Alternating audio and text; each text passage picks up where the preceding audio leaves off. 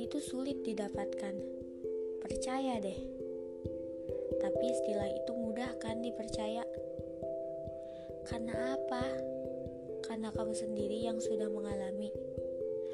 Apa karena kamu sendiri tahu bahwa memang untuk mendapatkan kepercayaan dari orang lain itu nggak mudah? Kadang orang melihat dulu siapa yang berbicara, lebih bersifat subjektif, padahal belum tentu juga. Lalu, setelah kamu tahu bahwa kamu dikecewakan, malah kamu menyalahkan diri sendiri, mencerca bahwa dirimu itu bodoh, mudah percaya sama orang lain. Kalau dibawa ke dalam hubungan, Sebenarnya kepercayaan itu amat penting. Bahkan banyak hubungan menomorsatukan kepercayaan. Memang dasar dari sebuah hubungan ialah kepercayaan.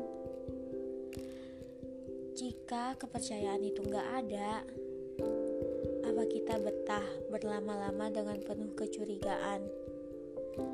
Apa kita betah dengan rasa cemburu yang tak jelas alasannya? Apa kamu betah? Jika kesibukanku membuat kita berkabar begitu singkat, seperti singkatnya balasan WhatsApp kamu ketika kamu marah. Apa kita bisa berlama-lama pada hal yang membuat kita sendiri sulit untuk menyesuaikan?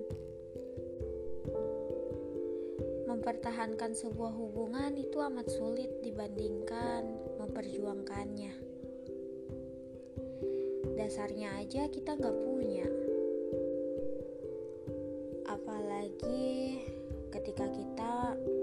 menghadapi masalah-masalah yang akan kita hadapi ke depannya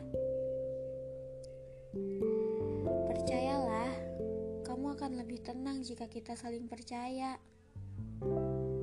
buah dari hubungan yang tak punya dasar kepercayaan ialah selalu curiga mudah bosan karena yang dirasa masalah-masalah yang timbul hanyalah masalah kecil yang dibesar-besarin.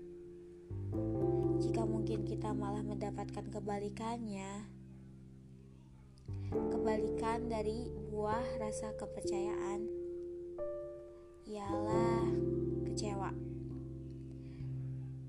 Anggap saja Tuhan dan semesta telah menunjukkan caranya bahwa memang yang terbaik bukanlah kita yang menyatu melainkan kita yang satu-satu dengan pasangan yang berbeda.